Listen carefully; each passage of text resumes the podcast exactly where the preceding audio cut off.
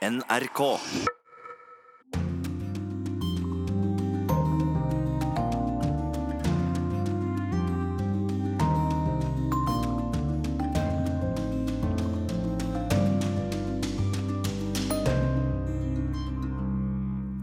Innspurt i Russland foran presidentvalget neste søndag, men blir det noen valgkamp å snakke om når alle vet hvem som kommer til å vinne?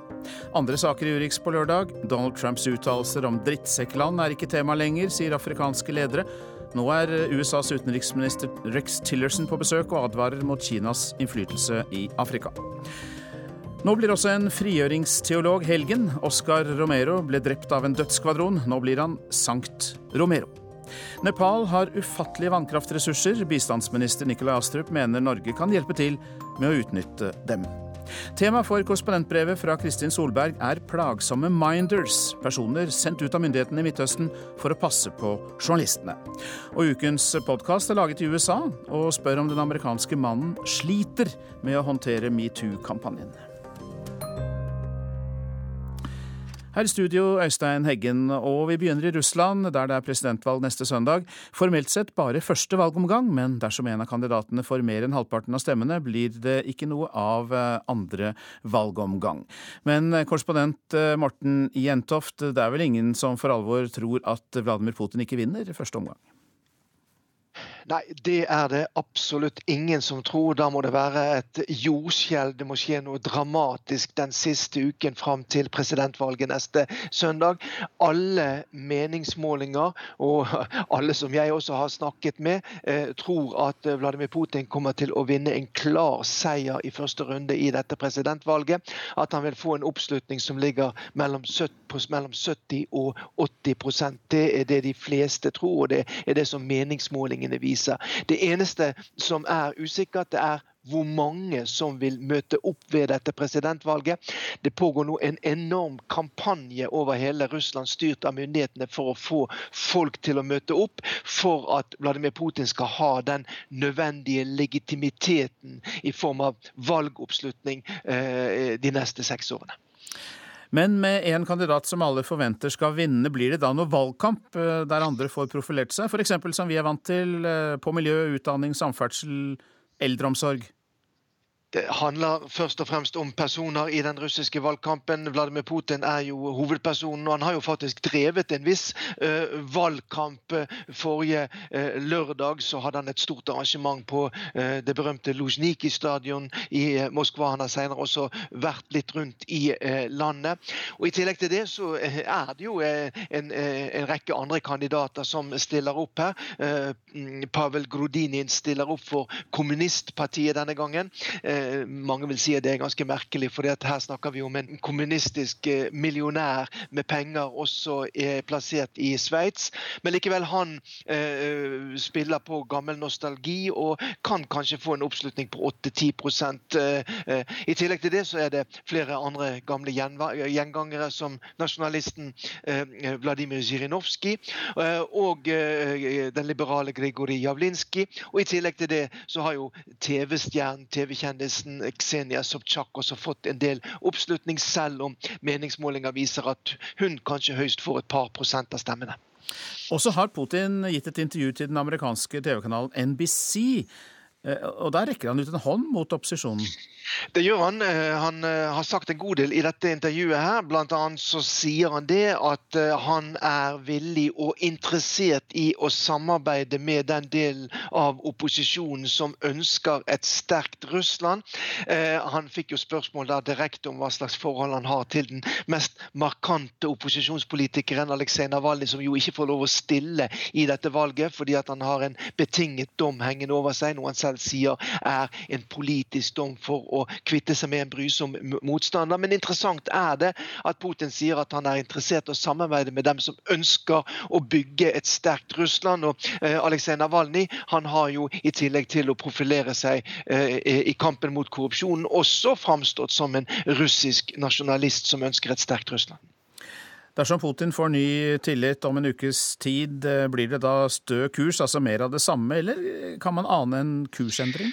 Det er, ble veldig interessant. Det er et godt spørsmål. Mange tror jo at uh, fortsatt seks år med Putin betyr at uh, alt vil bli det samme. Maktstrukturene vil være de samme i Russland. En enorm vekt på det militære, uh, sikkerhetstjenestene. Men det kan også komme overraskelser, tror jeg, når Putin har fått det mandatet som han håper å få fra det russiske folk. Han innser jo at noe må gjøres med den russiske økonomien hvis ikke ting skal stoppe opp. at Russland skal forbli en eh, råvareprodusent. Han sa jo det at man er nødt å få til innovasjon, utvikling.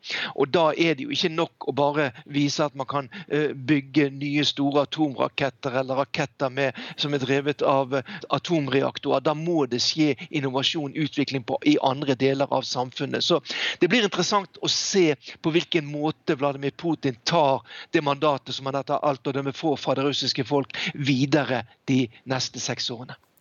Takk skal du ha, Moskva-korrespondent Morten Jentoft.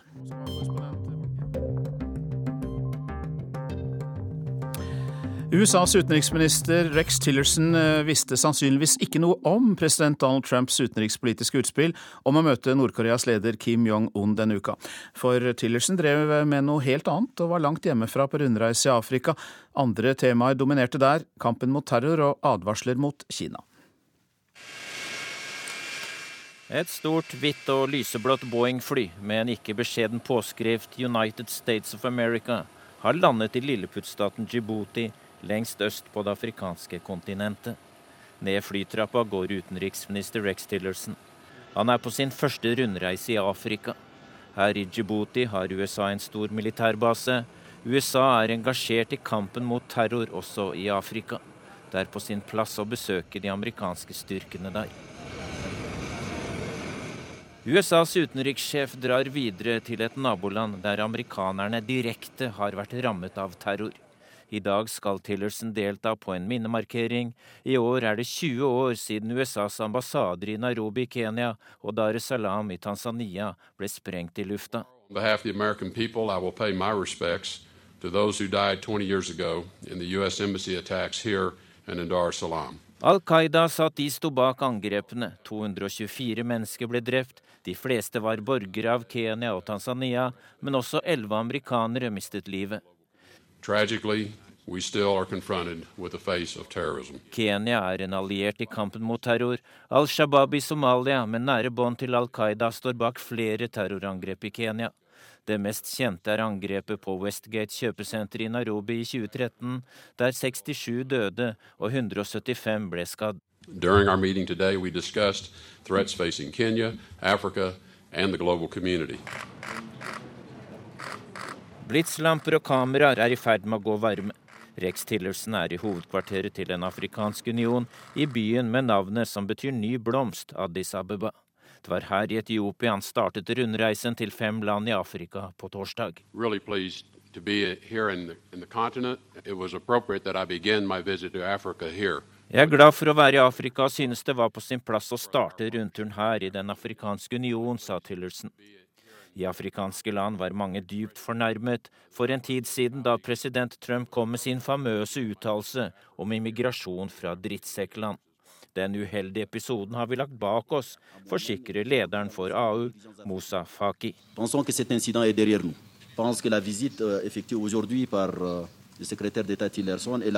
Utenriksminister Tillersons besøk viser at forholdet til USA er godt, sa Faki. Tillerson unnlot å kommentere temaet. Det nye, prangende hovedkvarteret til AU er bygget og delvis finansiert av kineserne. Tillerson mener Kinas voldsomme satsing i Afrika ikke er av det gode. Vi ser et mønster fra Kinas side. Prosjektene skaper ikke jobber for afrikanerne. Tillerson mener Kina får for lett kontroll over infrastruktur og ressurser i land som får det vanskelig økonomisk. Loses control of its own infrastructure or its own resources through default. Og han ber afrikanske land være mer kritiske til Kina for å unngå at de mister suverenitet.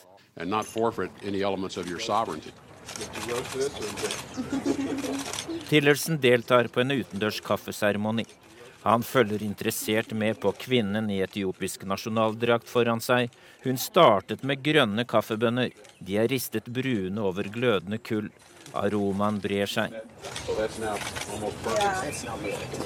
Er kaffen nesten klar, spør Rex Tillerson. Snart står en amerikansk utenriksminister med en litt løsere snipp enn vanlig og nyter en kaffetår. Slik bør det være når han startet rundreisen i kaffens hjemland. Og etter besøkene i Etiopia, Djibouti og Kenya skal Tillerson videre til Tsjad og Nigeria de nærmeste dagene. Reporter her, det var Dag Bredvei.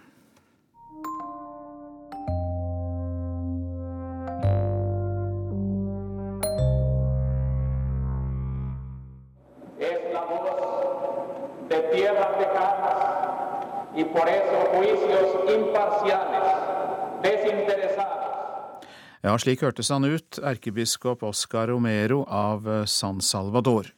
Nå blir han kåret til helgen. Pave Frans sier det skal skje i oktober.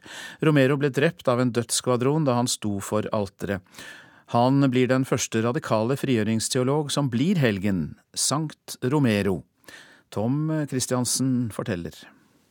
24. mars 1980 i San Salvador. Klokka er 6.26 mandag morgen, og nonnene er samlet til morgenmesse i sykehusets kapell. Det er erkebiskop Romero selv som står for alteret. En mann i kaki er på vei mot kapellet. Han bærer et gevær, og han tilhører en høyreorientert dødsskvadron. Inne i kapellet er alles oppmerksomhet rettet mot biskopen. Han løfter begeret med begge hender. Dette er Jesu blod. Erkebiskopen mister vinbegeret idet han faller, og nonnene styrter til. Det var ett skudd, og det traff i hjertet. Blodet blandet seg med vinen. Det skulle bli verre. En kvart million mennesker kom til begravelsen. De fattige, men ingen fra myndighetene. På plassen utenfor katedralen eksploderte flere bomber. På Nasjonalpalassets balkong like ved sto politiets skarpskyttere og drepte 50 sørgende. Det var en massakre. En FN-kommisjon avslørte siden hvordan El Salvadors skitne borgerkrig ble finansiert av USA, særlig av presidentene Ronald Reagan og George Bush den eldre. Dødsskvadronene fikk sine penger fra CIA, og mannen som ledet dem, Roberto Dobuson, var en karismatisk militærleder på høyresiden. Han var en kjær gjest i den amerikanske ambassaden og stilte til presidentvalg i 1984 alltid med den samme begrunnelsen å stanse kommunismen. I dokumentarfilmen Romero fra 1989 spiller Raúl Julia erkebiskopen og viser hans modige konfrontasjoner når demonstrantene ble hindret av politiet. They were safe passage. Who said I did? Regimet var egentlig ganske fornøyd med biskop Romero. Han var en konservativ prest i en autoritær katolsk kirke. Men så ble en kollega drept fordi han kritiserte regimet. Romero så hvordan fattige ble undertrykket og gikk under i slummen, uten de rettigheter som loven ga dem. En liten elite fikk alt. De fattige døde av idiotiske sykdommer og av underernæring. Langsomt snudde han og sluttet seg til frigjøringsteologien, den som oversetter evangeliet til folks hverdag.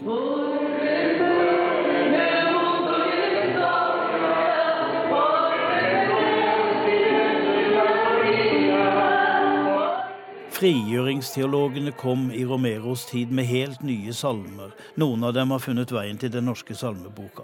Blant dem er håpstangoen om en frelser som våpenløs sprenger buret som en løve, født uten glorie, en som lekte og lo og lot seg feire, og ga oss smake på livet som skal seire. Jesus som favnet fattige og tause, og satte fri det varme og det rause. Den katolske kirkens prester døpte og viet og begravde, de trøstet og refset. Frigjøringsteologien gjorde at de også innlemmet kampen for de undertrykte som en del av evangeliet, og fant bibelord som passet. Romero ble en av de ledende frigjøringsteologer og ble sterkt mislikt i Vatikanet, for de radikale prestene kritiserte også kirken for å være en del av makten og systemet. At en frigjøringsteolog nå skal erklæres som helgen, er derfor intet mindre enn en sensasjon. Oscar Romero visste hvilke sjanser han tok. Prester ble skutt eller forsvant. Han sa det selv. Jeg kan komme til å dø, men kirken vil leve. Det vil også håpet. Han hørtes ut som en Jesus i dagene før korsfestelsen. Uka før han ble skutt, henvendte Romero seg til soldatene i hæren og i militsene. Fra prekestolen formante, tryglet han dem om å huske at de var av samme folk. Bøndene dere dreper, er deres brødre og søstre adlyd ingen ordre om å bryte Guds bud, og han avsluttet nærmest i et skrik, jeg ber dere, stopp undertrykkelsen. Brothers, each one of you is one of us.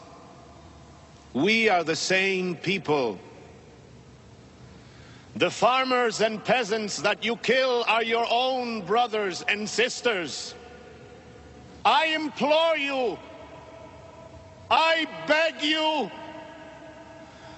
I order you, stop the repression!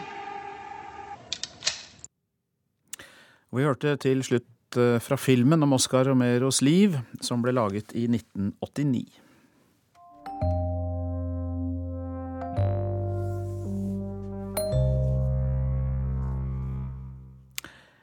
Metoo-kampanjen har tatt eh, verden med storm, men nærmere bestemt den vestlige verden. For i Tyrkia og i flere land i Midtøsten er kampanjen så godt som fraværende. Det nytter ikke å si fra her, for seksuell trakassering er så vanlig. Det sa flere tyrkiske kvinner til vår korrespondent Sissel Wold på kvinnedagen.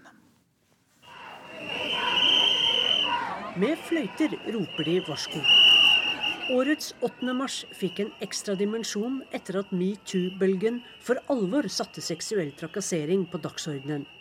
Men metoo tok aldri fyr her i Tyrkia. Hvorfor ikke?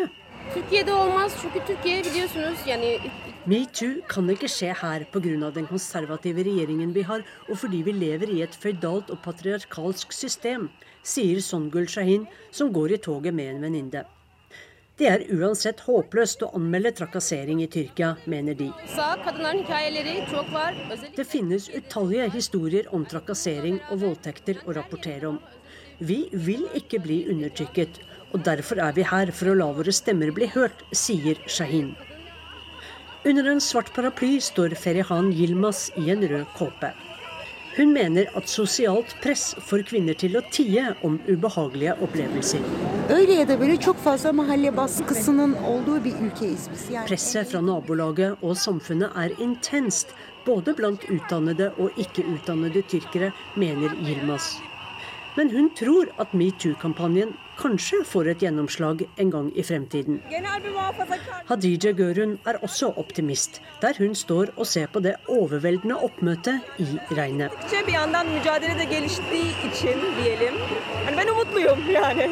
Jeg tror at metoo vil skje en gang også her, fordi feminismen styrker seg. Kvinner kan ta til gatene, og jeg tror at de vil rope høyere i fremtiden, sier hun som er rundt 30 år. Yilmaz tror ikke at kvinner vil melde fra når de blir trakassert av sjefer eller andre. Undertrykkelse og trakassering er så utbredt her at når noen opplever dette, er det så vanlig, og derfor bruker ingen emneknaggen metoo, forklarer hun. Men i 2015 skjedde det noe. Da ble den 20 år gamle studenten Øskerjan Aslan utsatt for en så grufull hendelse at kvinner reiste seg i protest. Özgejan Aslan var den siste passasjeren på en minibuss. Sjåføren bortførte henne til en avsidesliggende vei og ville voldta henne. Hun forsvarte seg med en pepperspray, men forgjeves. Kort tid etter ble hun funnet død, slått i hjel med en jernstang. Flere hundre tusen tyrkiske kvinner kastet seg på emneknaggen 'Sende Anlat', fortell din historie, for å protestere mot trakassering og at flere hundre kvinner blir drept hvert år. Aslans forferdelige skjebne fikk president Erdogan til å tvitre at han personlig skulle sørge for at de ansvarlige stilles for retten og får straffen de fortjener. Tre år senere har den samme Erdogan og hans regjering dreid landet i en langt mer religiøs og konservativ retning. Sekulære kvinner føler at deres livsstil er truet. Nå, på denne regntunge kvelden i Istanbul, bruker de stemmen sin igjen. Og fløyter i natten for å varsle om kvinners situasjon i Tyrkia.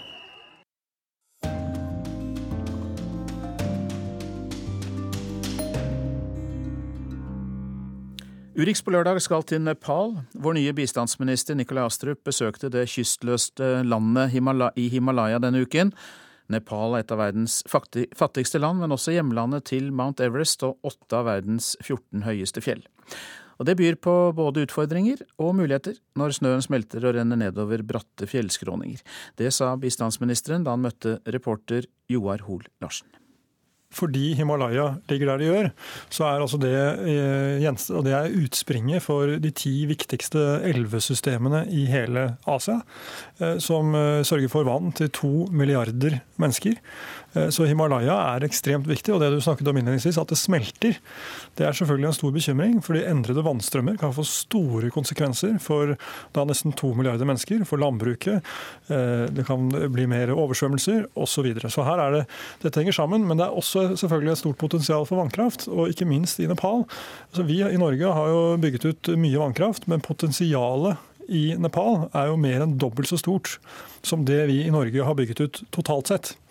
Eh, og Når du da legger til at kraftforbruket per innbygger er svært beskjedent, så utgjør dette et kjempepotensial for, eh, som økonomisk inntektskilde, som eksportmulighet, som base for å bygge opp industri, eh, slik vi også gjorde på ryggen av vår egen vannkraft. Ja, industri er selvfølgelig da et stikkord for arbeidsplasser, hvilket er viktig. Og arbeidsplasser er jo nøkkelen til utvikling. Uten en lønnsom privat sektor så blir det heller ingen utvikling. Så det å kunne legge til rette for det gjennom tilgang på ren, eh, relativt sett rimelig energi, eh, er jo nøkkelen til vår utvikling, og jeg tror også eh, til Nepals utvikling. Og Derfor støtter Norge særlig bygging av transmisjonslinjer, altså strømnett, i, Nepal, fordi det er svært dårlig utbygget. Og som igjen da kan legge grunnlaget for at private, både lokale og internasjonale investorer kan bygge bygge vannkraftverk. Og Statkraft eh, kom jo relativt tidlig inn i Nepal og har bygget et vannkraftverk der etter norsk standard, eh, som drives og driftes av nepalesere eh, med, med stor kompetanse, og som også brukes i Norge av og til på prosjekter her. Og det vannkraftverket leverer 12% av energien til Katmandu by. Men øh, vannkraft, altså det koster jo penger. Dette er et uveisomt, ufremkommelig eh, kall det gjerne bortgjemt land. Eh, du kom fra Høyre. Er det mulig å få med seg private investorer til Nepal? Ja, det tror jeg det er. Men det er selvfølgelig stor risiko.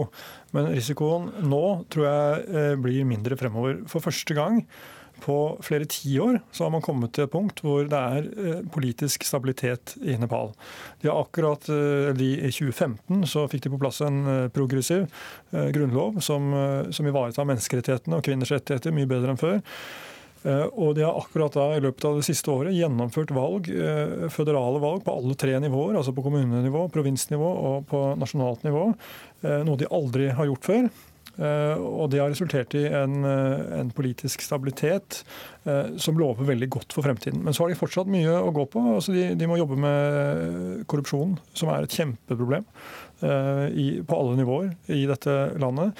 Det er fortsatt mye, mange byråkratiske hindringer i veien. Det er for lite forutsigbarhet fra myndighetenes side. Men når alt det er sagt, så er det en enorm vilje nå hos myndighetene. Og jeg møtte både statsministeren og finansministeren og lederen av det største eh, samarbeidspartiet eh, til statsministeren da jeg var der denne uken. Og det er en enorm vilje til å legge til rette for private investeringer, fordi de ser at uten det så kommer de ikke til å klare å oppnå de ambisiøse utviklingsmålene de har satt seg. For samtidig så må de jo da også ha noe tilby sin egen befolkning. Altså, så vidt jeg vet så er Største inntektskilden i landet er jo er jo folk, nepalesere, som er i utlandet og sender penger hjem. slik at det, eh, Folk må jo ha noe tro, ikke bare på regjeringen, men altså på fremtiden. Altså En tredjedel av bruttonasjonalprodukt er eh, nepalesere som har reist ut av landet og sender penger hjem. Det er ikke en bærekraftig modell på sikt, eh, men enormt viktig inntektskilde for, eh, for Nepal i dag.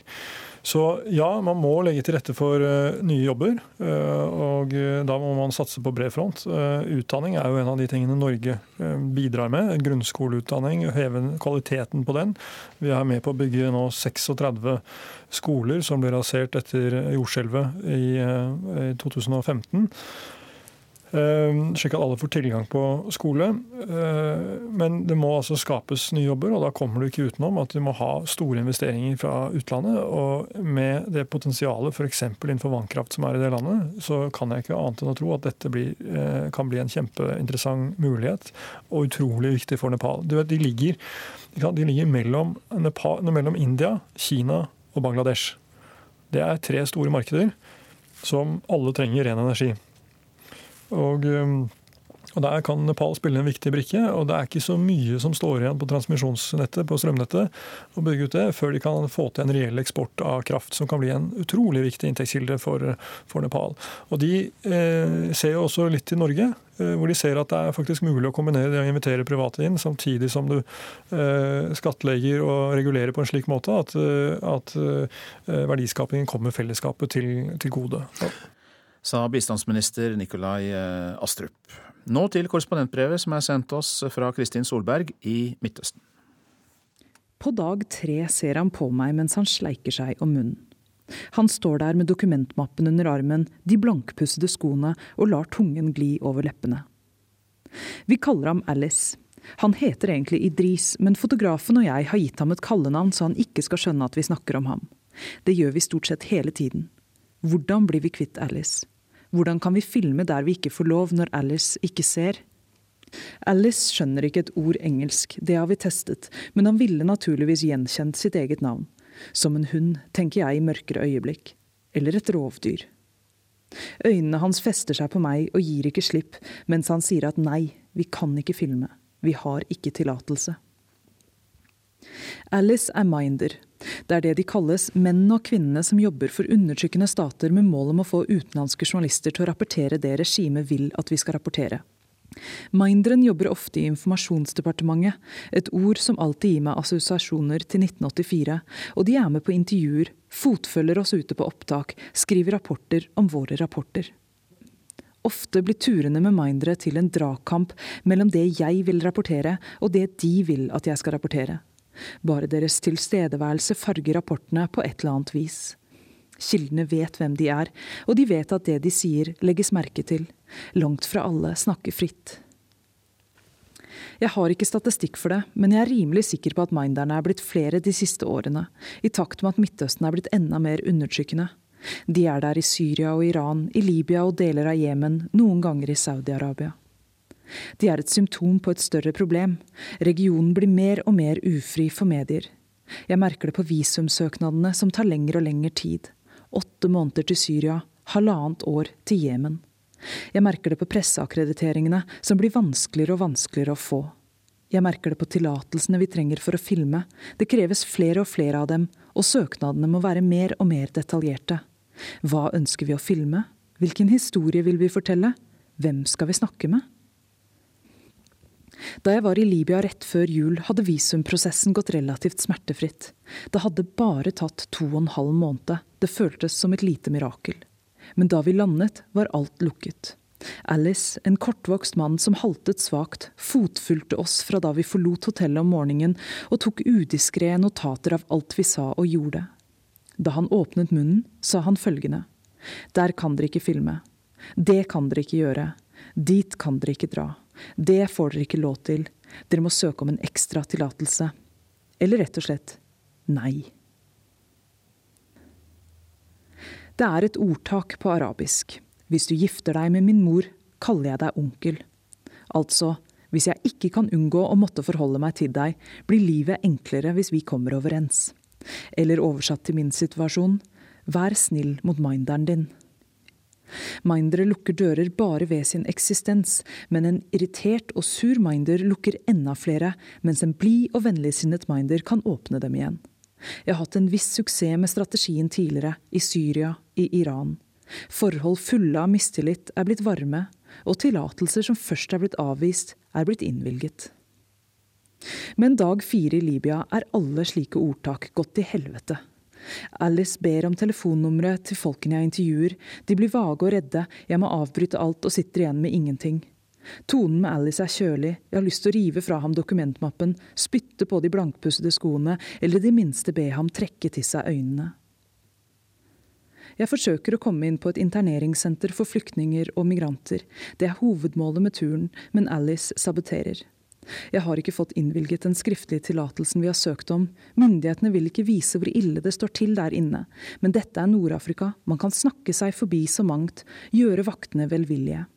Jeg er på god vei, jeg er forbi den første porten, jeg står ved den siste, jeg er så nærme målet at jeg kan kjenne lukten av kroppene der inne. Vaktene sier først nei, så tja, så endelig ja, men så kommer Alice haltende, veiver med pekefingeren og sier nei. Hvis du gifter deg med min mor, kaller jeg deg onkel, tenker jeg, og forsøker å se på Alice som et anstendig menneske som bare gjør jobben sin.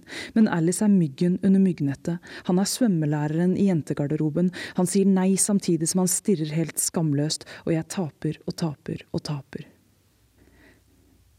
Det finnes øyeblikk i denne regionen der tilgangen er så elendig at jeg tenker at det ikke lenger er noen vits. Hva rapporterer vi? Deres historie eller vår egen? Det blir enda mer akutt når vi utestenges helt. Som i Øst-Ghouta nå, der rundt 900 mennesker er drept i bombeangrep de siste tre ukene. Ingen journalister er der inne. Vi slipper ikke inn der myndighetene bomber, og få er engang inne i Syria.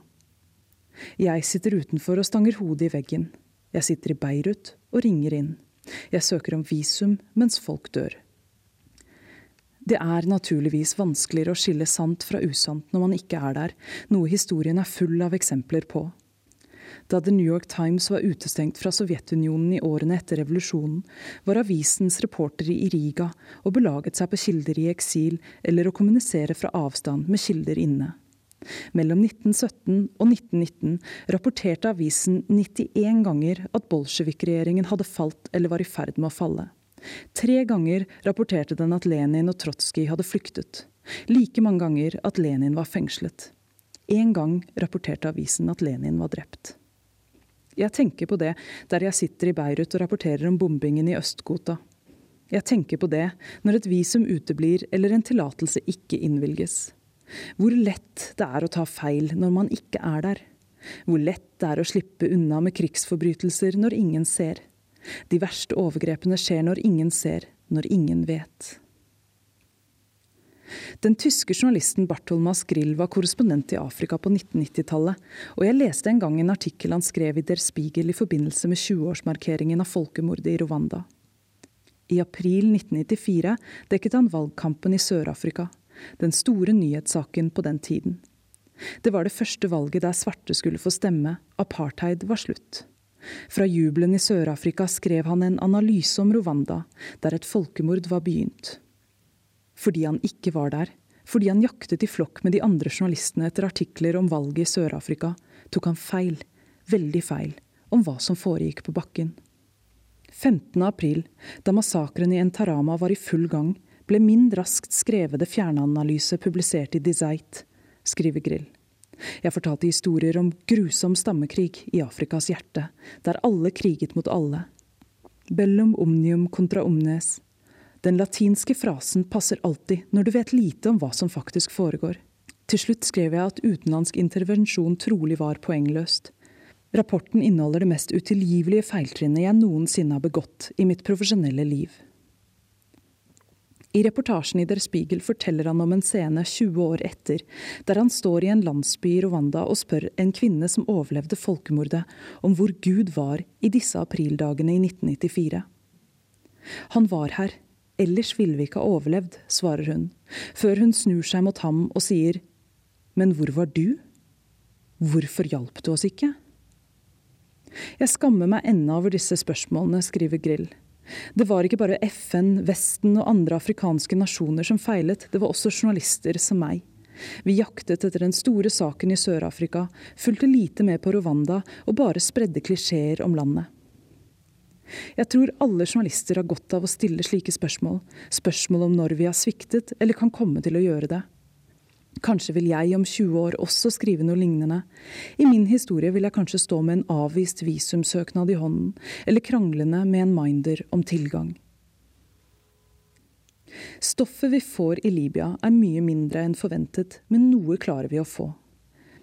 Vi får det etter å ha latt som vi dro tilbake til hotellet for kvelden, ristet av oss Alice og tok opptak i skjul i mørket. Vi får det etter å ha reist fra Tripoli til Misrata, der noe av Alice makt forsvinner i rivaliseringen mellom de to byene. I Misrata gir de blaffen i at Alice sier nei, eller at han truer med å ringe sjefene i Tripoli. De slipper oss inn på interneringssenteret likevel, de slipper oss inn der de ikke skal.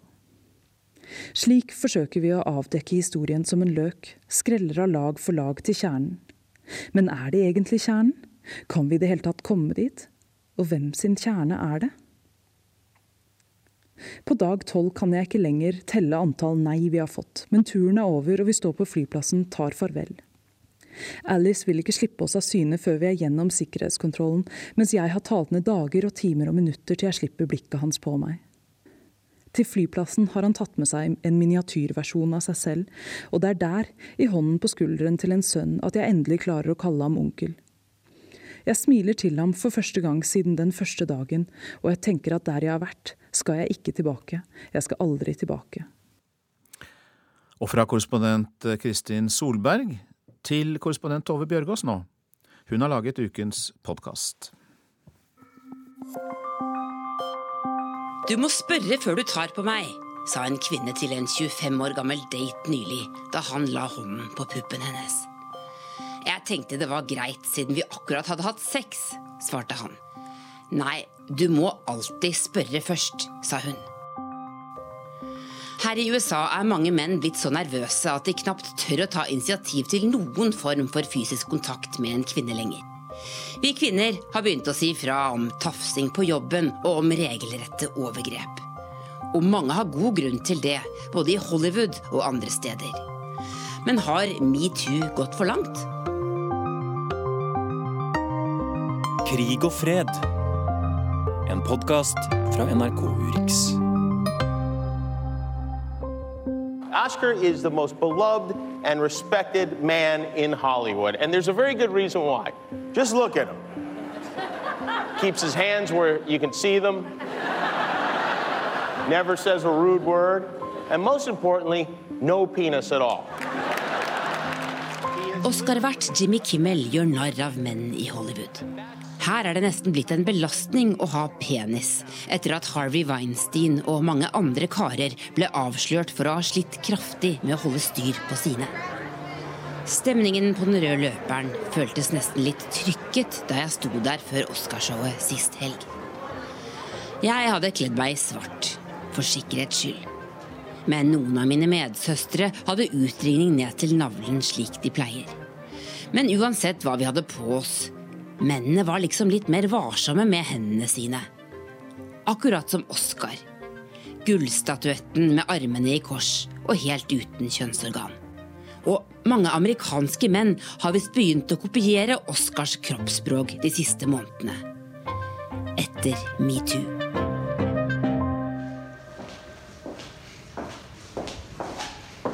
Jeg er tilbake i mer uglamorøse Washington og på vei for å møte en som vet litt om dette. Matt Flemming, klinisk psykolog, står det på skiltet her. Utenfor døra. Skal vi se. Hi. Hi, Matt. Yes, Matt Fleming. Hi, Nice Tove. to Nice you. to meet Tove. you. Yes. Tove or Toby? Tove. To- eh, Tove, ja. Toby. Well, nice to meet you. Welcome. Thank you. Great. Find the place okay? Yes. Matt Flemming er i 40-årene, har mørkt hår og skjegg og en sånn terapisofa som det finnes mange av i denne Porsche-delen av Washington DC. I see a lot of um, college students, graduate students, a lot of young adults that anywhere from the nonprofit, some lawyers, some people in government. So a lot of people with high stress jobs, um, and uh, and the cost of living here is very high as well. So there's also the stress of that. Therapy is expensive, so the clientele is pretty wealthy to be able to afford it. Have you seen anything change after the Me Too revolution kind of hit uh, four or five months ago? The biggest change that I've seen in my clientele, which is mostly men, I'd say about 95% men, begin to wonder what they have done in the past and if it may come back to haunt them. Um, so there's a lot of anxiety that they're dealing with there. Uh, and that's the biggest piece that I've seen so far in my own practice. So people are looking back thinking, oh my gosh, Right, yeah. One saying, Ooh, I know I probably didn't behave the way I should have behaved. And what if that comes out now or later on when I'm further on in my career?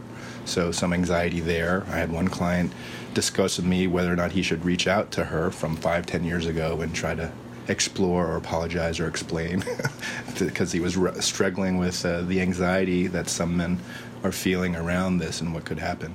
What are they afraid of? I think they're afraid of being accused of something that they've done, uh, either accurately accused or also in some cases maybe inaccurately accused. It's very stressful. Some of it can go on your record, and it's hard to come back from that. So there's a lot of fear around just the accusation. But on the dating scene, I mean, you go on a date, you obviously or might be interested in something actually happening, uh, you know, sexually or how should men navigate this in this new day and age? I've always believed that it should be co-determined and co-constructed. You have to explain that to me. That so the discussion, the discussion of even where to go to get food for dinner should be a mutual decision.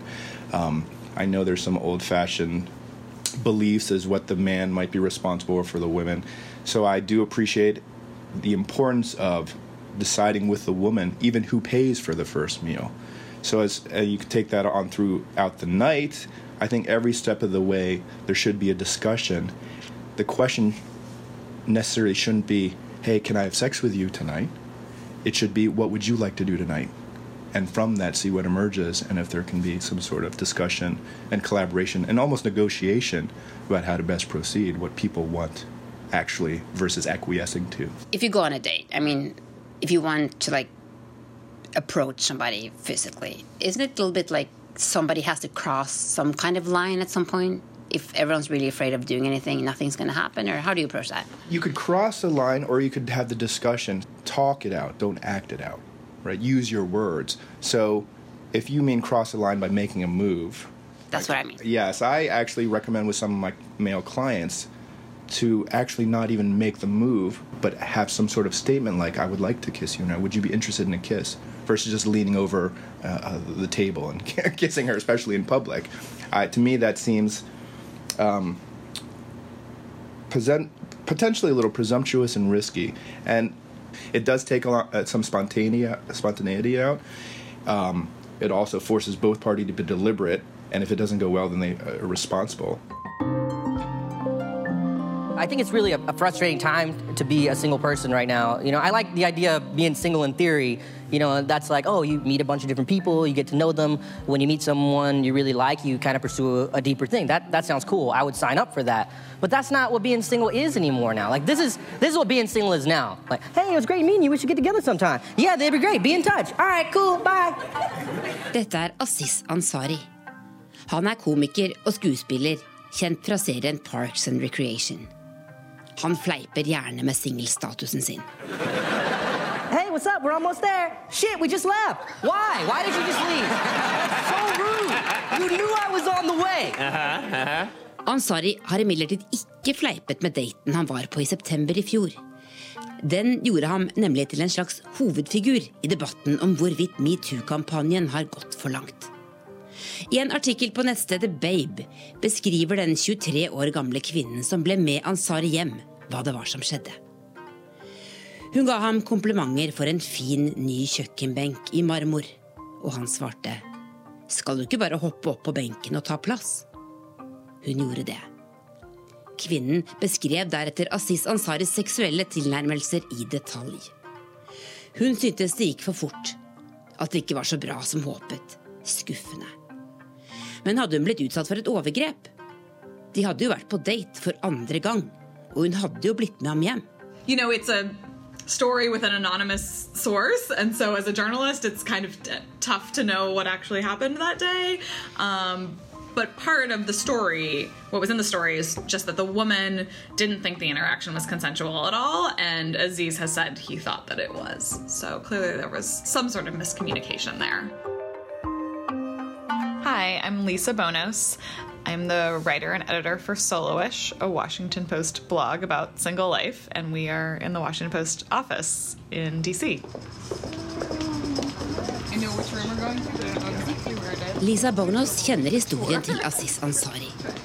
Hun har skrevet flere artikler om single menn i det siste, som ga meg ideen til hele denne podkasten. So you have a blog at the biggest newspaper uh, in Washington about single life. That's right. Is there such an interest? There is. I mean, there are a lot of single people in Washington. It's a city that attracts a lot of 20 and 30 somethings. Um, some some people are here just for a short time, so it's a good place to come if you're single. And um, some people stick around longer. But yes, interest has been high. I hear from married readers all the time that they read soloish just out of the same way that I don't have kids, but I read the parenting blog just to kind of see the things that I don't have to deal with, right? But I'm here because uh, you wrote a column about how Me Too has changed the dating scene, um, maybe especially for men. Uh, but what is going on with Me Too and all this kind of maybe fear of being an harasser or being harassed in the dating world? Yeah, it's a really good question. I think there's a lot of confusion out there right now. Um, you know, as men are watching the news and seeing um, just the prevalence of women saying that they've been sexually harassed at work or assaulted in their personal lives and, and harassed, uh, men are starting to wake up to what a re- everyday reality that is for women. And what I heard from the men that I spoke to is both that they don't want to do anything that comes off as harassment and also that they're second guessing the way they normally date and all of a sudden are worrying you know if i go in for a kiss and she doesn't want it am i going to be like meet uh, the subject of a me too post you know like i think some of that fear for men might be a little bit overblown or in kind of a reaction phase but is there more uh, demands on men now and easier for women to date? I think it's just harder for everyone. Um, I think you do see men hanging back a little bit more and waiting for women to be the pursuers a little bit, but women are taught all their lives that men should pursue them. So that change is not necessarily happening so fast. I have heard from some men for this story that women they have slept with recently have made it very clear and upfront in ways that that they hadn't heard before that like yes i want to have sex with you and like had been kind of more forward than they had seen prior to the past six months you have some examples uh, you've spoken to especially lots of people in their 20s and 30s mm-hmm. what are some of the things people are, are saying about the challenges after me too yeah so i spoke to one young man who's 25 and you know, he went to college in this era of being taught a lot about sexual assault on campus and how to get consent before having sex. So he really knows how to have these tough conversations about is it okay if I touch you here? Can I kiss you now? You know, that kind of thing. And but even he was finding that some women appreciate all those questions and do want them to be asked before every interaction. And other women that he's been intimate with are like, What are you doing? Why are you asking me all these questions? And so you know, he said to me, It's tough to know where the line is because it changes from woman to woman. And that, that's really what I kept hearing from men. What about women? What are they saying?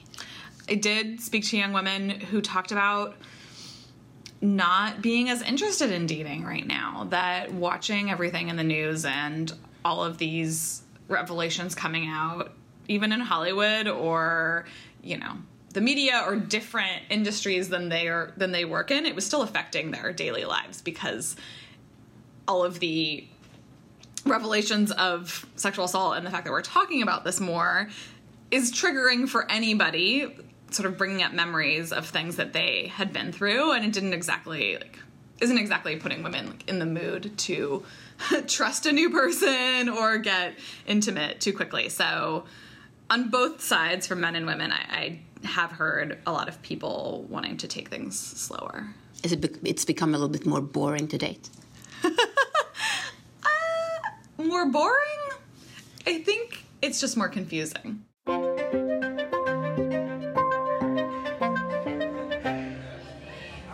Jeg har opplevd de, de sier flere ganger at uh, når vi kommer i samtale, at damer sier at det er Men de er mye mer kjedeligere. da. Veldig A4, veldig straight forward. De jobber mye. De, de altså, legger seg tidlig om kvelden, stiger opp klokka fem-seks om morgenen og har liksom en helt annen døgnrytme.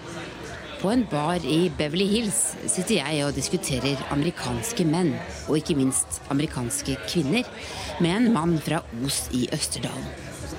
Hei, jeg heter Lars Aas og jeg er frilansfotograf for NRK i USA. Lars og jeg jobber sammen. Han er 15 år yngre enn meg og singel. Men du, Lars. Du er jo liksom i målgruppa. Du er eh, 30, sant? Ja. Eh, eh, hvordan er det å date i, i, i USA? Jeg tror eh, amerikanere generelt er mye mer åpne til eh, kontakt. Det er lettere å prate med folk. Det er lettere å liksom si hei, ja, hei, ja, ja. Starte samtalen i stedet for at du på en måte må jobbe litt for deg i, eh, i en bar i Oslo. Du er nødt til å finne liksom en spesiell vinkel for å liksom starte en, en samtale. Jeg, Men er amerikanske kvinner liksom mer pågående enn norske på noen måte, eller? Eh, Ikke nødvendigvis, men for meg så virker det som at det er lettere for eksempel å spørre om ja, kan vi, vi dele nummer, eller eh, skal vi ta en drink en annen plass? Eh, skal vi møtes neste uke? Mye, mye lettere det her enn det hjemme i Norge. Så du har egentlig hatt ganske bra suksess i, på datemarkedet i Washington, eller? Ja, egentlig. Altså, det, det, det, det, har jo gitt meg mer, eh, mer kvinnelig kontakt, for å si det sånn. Men ifølge denne artikkelen eh, i Washington Post som eh, vi har snakka litt om før i denne podkasten, så er det en del menn her nå på din alder som egentlig er ganske redde for å, i det hele tatt å ta på en kvinne, virker det som. Er det her en eh, litt frilynt norsk mann kan komme inn og være litt ja, litt mindre engstelig enn amerikanske menn kanskje har blitt? Jeg håper ikke det er sånn, da. Altså, jeg håper ikke jeg håper for guds skyld ikke at amerikanske menn virkelig stopper, stoppe og, og være den normale mannen i gata som skal på en date. Uh, det her er kanskje bak, eh, baksida av hele metoo-kampanjen, fordi at den har blitt så stor. Altså det, det er et stort pennestrøk over liksom hele fjøla, i stedet for at det er retta mot det det faktisk er. Maktmisbruk, eh, seksuell misbruk, de tinga der. Men jeg klarer liksom ikke å sette det i samme bås. da, ikke sant? Men har du noen gang eh, vært redd for å ha gått over streken, for å ha blitt beskyldt av en amerikansk eh, date for å, å gå lenger enn hun ønsker? For at det skal skje noe, for hun skal bli, bli beskyldt for noe?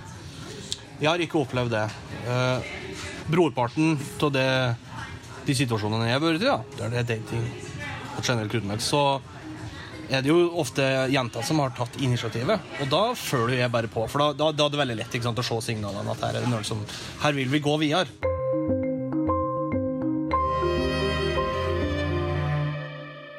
In other countries uh, in Europe, Yeah. we're used to thinking of the U.S. as a co- country of lots of lawyers and lots of lawsuits. And is that also part of this? That people are afraid of getting, getting sued for like rape or harassment? Yeah, you know, only one man that I spoke to for the story was really worried about that, and he was more concerned about potentially losing his job. He was a 25 year old. He only would speak to me wi- anonymously because he was worried again about losing his job. And he said that he's worried to even approach a woman in a bar because he doesn't want to come off, you know, potentially harassing. And maybe what if she goes home and writes a Facebook post about that, and then his boss sees that and he loses his job? And I, I, don't know if that is a concern that would actually go to that step from just approaching a woman who didn't want to be approached, but uh, those are some of the fears out there. Perhaps the clients that I had that are concerned, it hasn't got that far. I'm sure they would worry if, in addition to a complaint and reputation being challenged, that there might be a suit uh, as well as other implications. But I think they're already just afraid of it, the accusation being made public and people knowing that he may have done something. So um, the lawsuit, I'm sure, in the back of their mind, they're they're also worried about that. But it's scary enough just to have somebody accuse them of that and other people to know about that accusation. Oscar is the most beloved and respected man in Hollywood. He is literally a statue of limitations. And that's the kind of men we need more of in this town. Jimmy Kimmel synes Oscar kan statuere et eksempel for den amerikanske mannen framover. Men trenger han ikke også litt trøst og litt hjelp? Yeah, I think men need to be encouraged and educated on how to proceed thoughtfully. I think, especially in this culture, there has been a lot of encouragement to to take the lead and go after what you want and um, be persuasive or read her mind for her or do her a favor or so there's a lot of that that needs to be really reevaluated question and i think undone. Um, so i think men need a lot of help even though they may not know they need that help but i think they're beginning to realize wow the ways i thought i should go about doing this and what i thought was supposed to be cool and macho and what was celebrated is now very dangerous. What am i supposed to do then if I do want to be able to play with others. now, how do I proceed? so they may need help around how to figure that out.